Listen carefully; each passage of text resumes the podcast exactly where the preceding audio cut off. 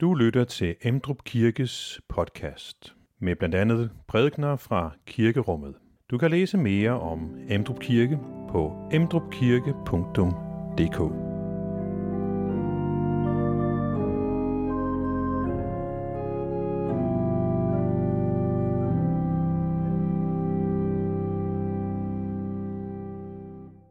Velkommen til gudstjeneste Palme Søndag.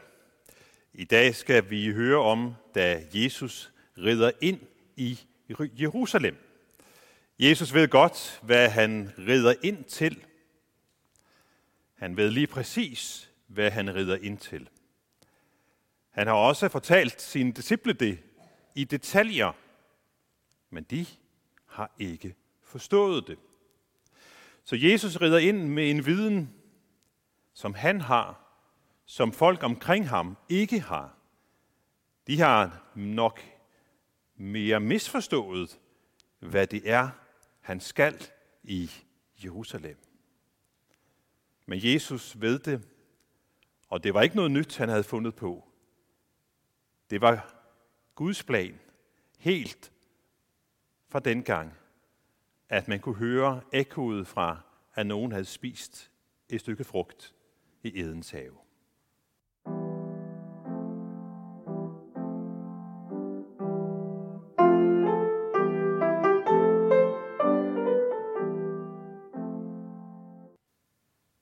Dette hellige evangelium skriver evangelisten Matthæus.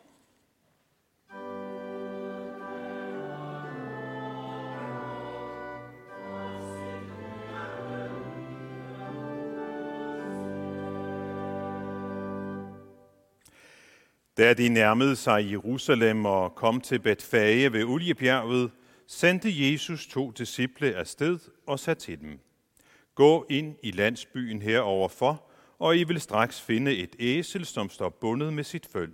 Løs dem og kom med dem.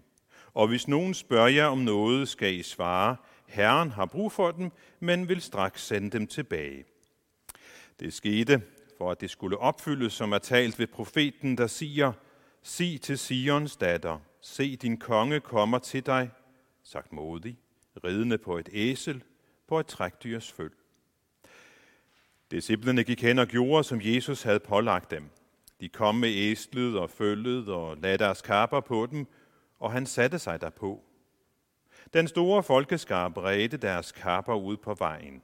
Andre skar grene af træerne og strøede dem på vejen. Og skarne, som gik foran ham, og de, der fulgte efter, råbte, Hosianna, Davids søn, velsignet være han, som kommer i Herrens navn, Hosianna i det højeste. Amen.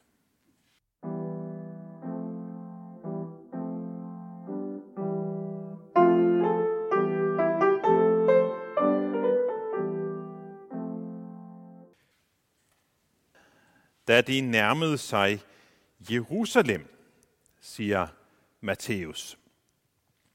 Men øh, egentlig har Jesus været på vej til påskefesten i meget lang tid. Ser vi over i Lukas evangeliet, så kan vi se, at her, han bruger 10 kapitler på at beskrive Jesu vandring fra Galilea og til påskefesten i Jerusalem. Lukas han indleder sin lange rejseberetning med ordene, da tiden var ved at være inde til, at Jesus skulle optages i himlen, vendte han, han sig mod Jerusalem som målet for sin rejse. Det er i slutningen af, af kapitel 9, og de efterfølgende 10 kapitler beskriver Lukas så alt, hvad der sker undervejs. Målet er Jerusalem. Men jeg tænker også, at man kan sige, at målet er tre ting. Et tredelt mål. Det handler for det første om en højtid. Det handler om et bestemt geografisk sted, og så handler det om en begivenhed. Og hvis vi tager højtiden først, så er det, at Jesus er på vej ind i Jerusalem, fordi det er jødernes påske. En højtid, en ugelang fest, som de har fejret helt fra dengang de var i Ægypten som slaver og blev udfriet. I sin tid så blev de netop udfriet i den måned, som efter deres kalender hedder Nisan. Den ligger i, i foråret, her hvor vi er. Og øh, derfor er det også, at jøderne på Jesu tid netop fejrer påsken i den måned. Det var højtiden, han er på vej til. Så er det det geografiske sted Jerusalem. Og der er han bestemt ikke alene på vej. Påskefesten er en lang fest. Det er en af de tre valgfartsfester, hvor jøderne valgfarter til Jerusalem fra hele landet, og der kommer faktisk også en hel del fra, fra udlandet på det tidspunkt. Så Jesus og hans følge, selvom vi synes, det måske er et stort følge der omkring Jesus, så tror jeg nok, at vi må sige, at det bare er en dråbe i det menneskehav, som øh, er på vej til Jerusalem på det tidspunkt og også er i Jerusalem. Højtiden og det geografiske sted. Og så kommer vi til det sidste, begivenheden. Begivenheden, som vi i bagklodskabens klare lys ved, skal blive til verdenshistoriens vigtigste begivenhed. Jesus ved det. Men uh, dem, der følges med ham, har ikke forstået det endnu. Det forstår de langt senere. Det finder sted Palmesøndag, og øhm, det er den tiende dag i måneden Nisan. Johannes fortæller os så, at et par dage før, om fredagen, nok inden øh, sabbaten sætter ind fredag aften, så er de nået til Betania. Og øh, sandsynligvis så er de øh, stanset hos Jesu venner, Maria, Martha og Lazarus. Der har de været mange gange, og øh, det kunne tyde på, at de også er der netop denne fredag, og at de så holder sabbaten der i Betania hos de tre søskende. Og Johannes beskriver også for os noget, som peger på, at øh, sandsynligvis der i slutningen af sabbaten om øh, aftenen, lørdag aften, så laver Martha en dejlig middag for dem. Jesus sender, som Matthæus beskriver for os, så øh, et par disciple afsted for at finde et æsel til ham, som han så rider på ind i Jerusalem.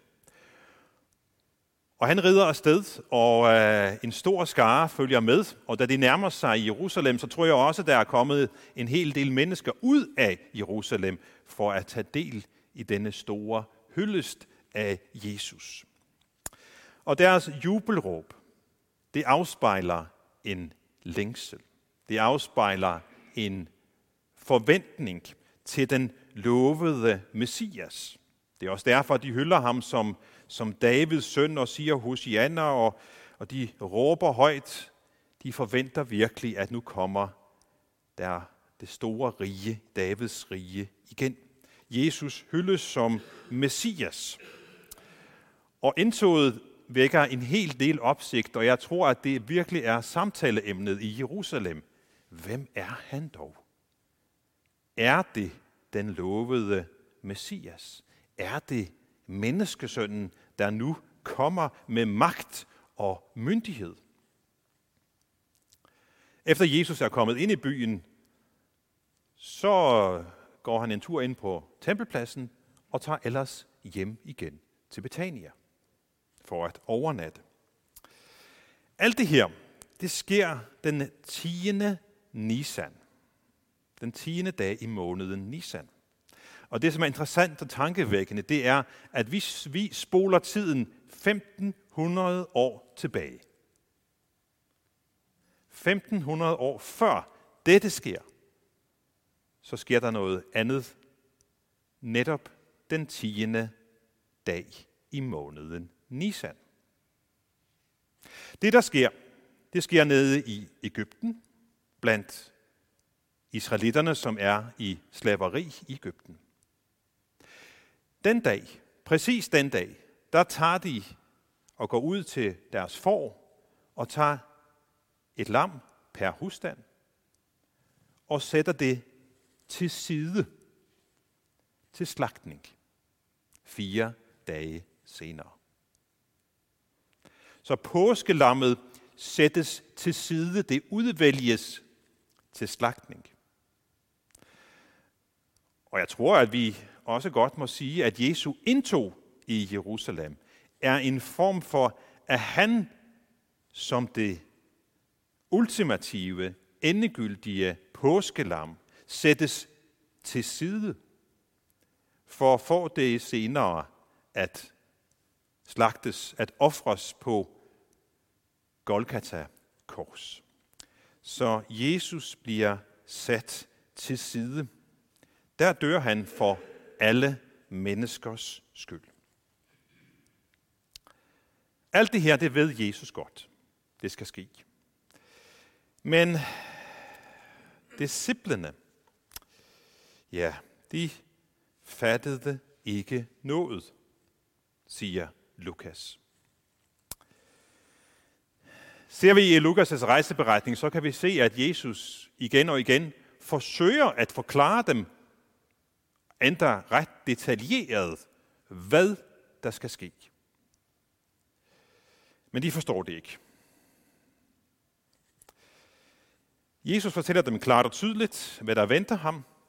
Vi kan bare tage et eksempel fra, fra Lukas evangeliet, hvor han siger, han tog de tolv til side og sagde til dem, se, vi går op til Jerusalem.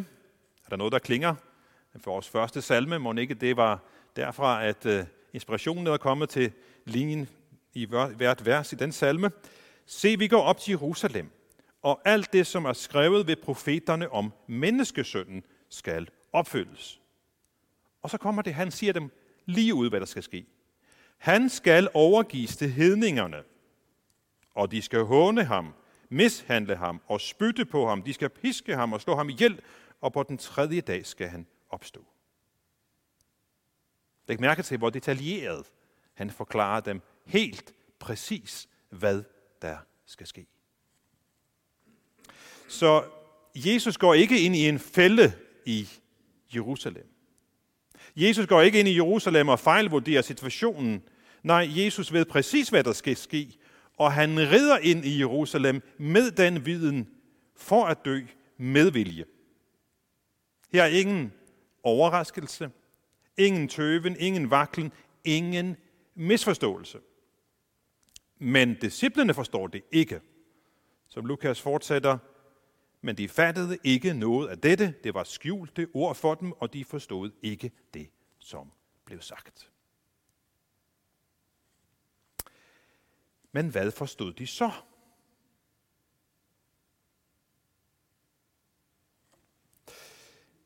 Jesus han kalder sig selv for menneskesønnen. Hvad vagte den titel af associationer hos disciplene og Jesus samtidig? Jo, det var et billede af, af autoritet, et billede af, af magt og myndighed, som blev vagt, da de hørte ordet menneskesøn. Titlen stammer fra Daniels bog i det gamle testamente, kapitel 7, og for disciplene og de fleste på Jesu tid, så var menneskesønnen et, et udtryk, som var et symbol for øh, triumf.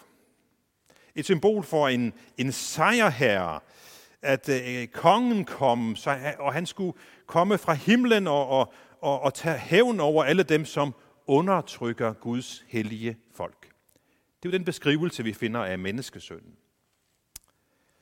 Så for dem lyder menneskesønnen som en, en herfører, en general, som skal føre tropperne til, til sejr. Så når Jesus taler om menneskesøndens magt, oh, så lytter de virkelig med glæde. Netop, menneskesønnen har magt. Og når Jesus taler om en ny verden, hvor menneskesønnen skal sidde på sin herlighedstrone, så har de ikke svært ved at forestille sig det. Når han taler om, at menneskesønnen skal komme på himlens skyer med stor magt og autoritet, ja, så vækker det håb, så vækker det glæde hos disciplene og hos folket. De har heller ikke svært ved at se det for sig, når han taler om, at menneskesønnen skal sidde ved den almægtiges højre hånd. Men når han så siger, at menneskesønnen skal lide, skal hånes, så står de tavse og forvirrede. For det passer jo absolut ikke med deres billede af menneskesønnen. Deres forestilling, det er ikke det, de forventer af menneskesønnen. Lad os prøve at forstå dem lidt nærmere. Prøv at forestille dig, at du og hele dit folk er blevet undertrykt af den romerske besættelsesmagt i overvis. Helt fra du var barn har du hørt om, at menneskesønnen vil komme og, og befri dig. Og nu tyder det på, at han er her. For ham Jesus, han kalder sig for menneskesønnen. Hans ord og gerninger ser os ud til at bevise, at han er menneskesønnen. Han kan jo helbrede. Han kan skabe masser af mad, stille stormen og endda opvække døde, og skaren, der følger ham, vokser og vokser. Du er begejstret. Endelig. Men hvad er det for noget, han siger? Menneskeskønnen kommer ikke for at lade sig tjene, men for selv at tjene og give sit liv. Det var da mærkeligt. Helt mærkeligt. Og menneskesønnen kan overgives til hedningerne. Han skal hånes, spyttes på og dø. Vi er så belastet af, at vi lever efter Jesu død opstandelse, at vi har svært ved at forstå, hvor overraskende det er for dem.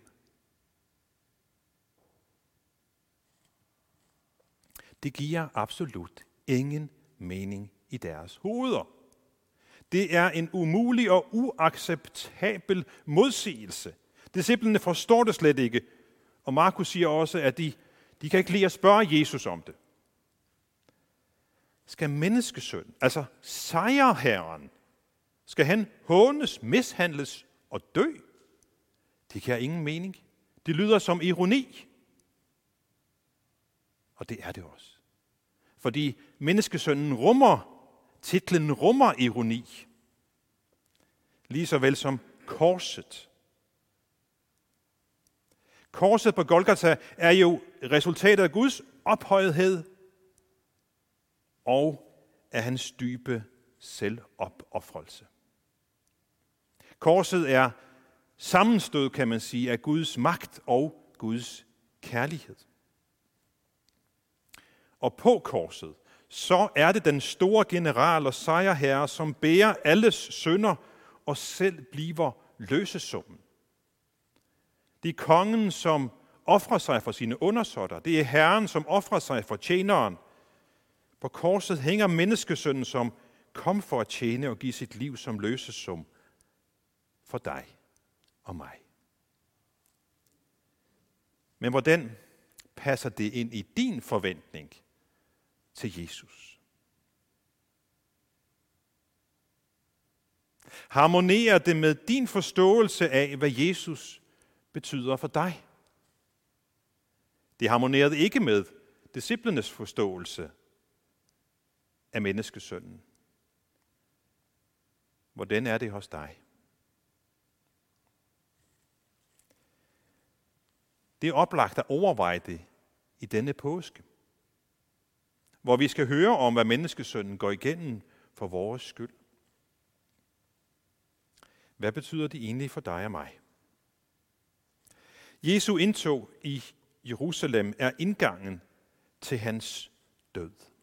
Og alt det, det ved han på forhånd. Han ved, hvilke lidelser han skal igennem, og alligevel så vælger han at gå den lange vej fra Galilea, gennem Jordandalen, til Jericho og så til Jerusalem.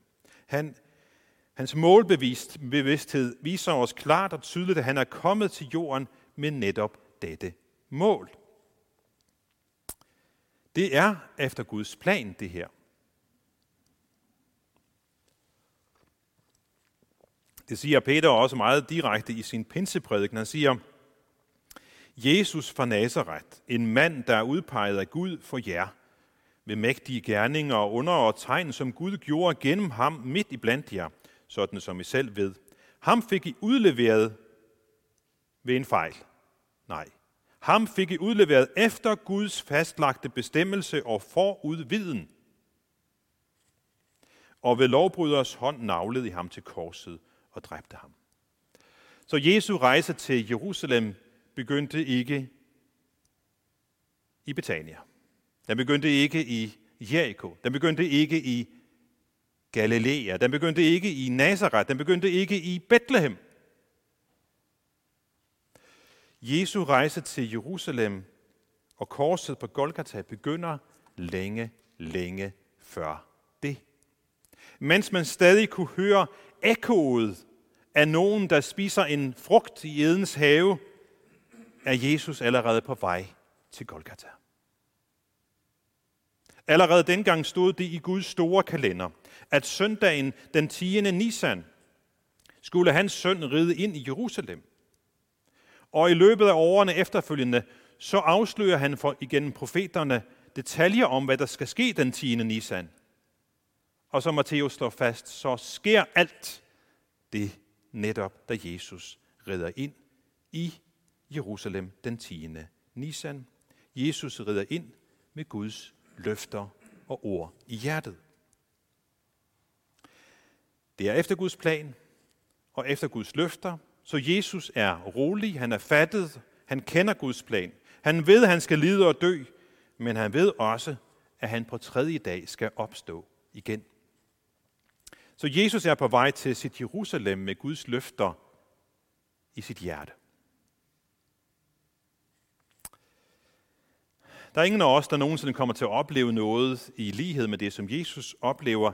Men, men vi kan jo også opleve at, at være på vej ind i vanskelige situationer, som vi måske i overført betydning kan sige, at vi er på vej ind i vort Jerusalem.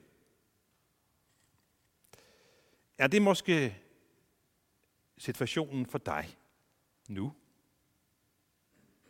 Er du måske på vej ind i en vanskelig situation i dit liv?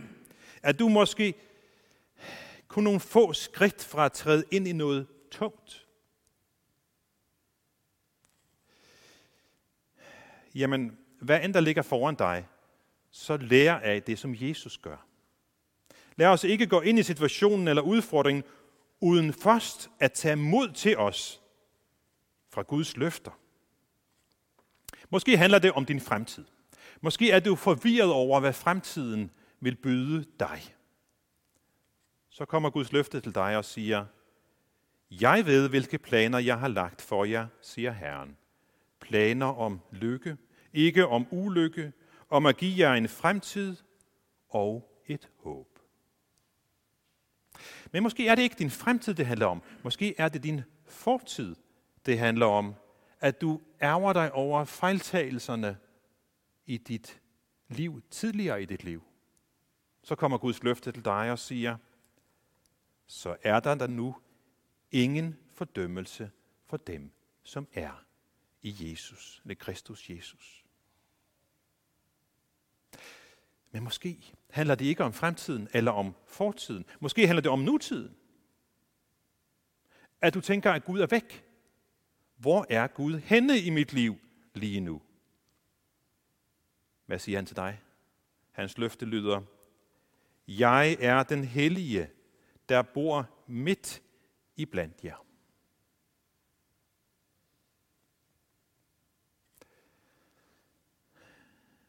Det kan også være, at den situation, du er i nu, er en frygt for at falde ud af Guds kærlighed. Så hører Paulus' ord til de kristne i Efesus, når han siger, Jeg beder også om, at I må blive fast forankret i hans kærlighed, så at I, sammen med alle de andre kristne kan forstå, hvor stor og dyb den er på alle leder og kanter. Jeg beder om, at I virkelig må kunne forstå Kristi kærlighed, der overgår menneskelig fatteevne, så I fuldt ud kan opleve alt det, Gud har til jer. Jeg ved ikke, hvordan din situation er. Jeg ved ikke, hvad der ligger foran. Jeg ved ikke, hvad dit Jerusalem er lige nu. Men tag Guds løfter med dig, når du rider videre fremad på din livsvej. Gå med Guds ord i hjertet, ligesom Jesus gjorde det. Lad os nu rejse os. Og øh, med apostlene tilønske hver andre, vor Herres Jesu Kristi nåde, Guds kærlighed og Helligåndens fællesskab være med os alle. Amen. Find flere podcast og læs mere på emdrupkirke.dk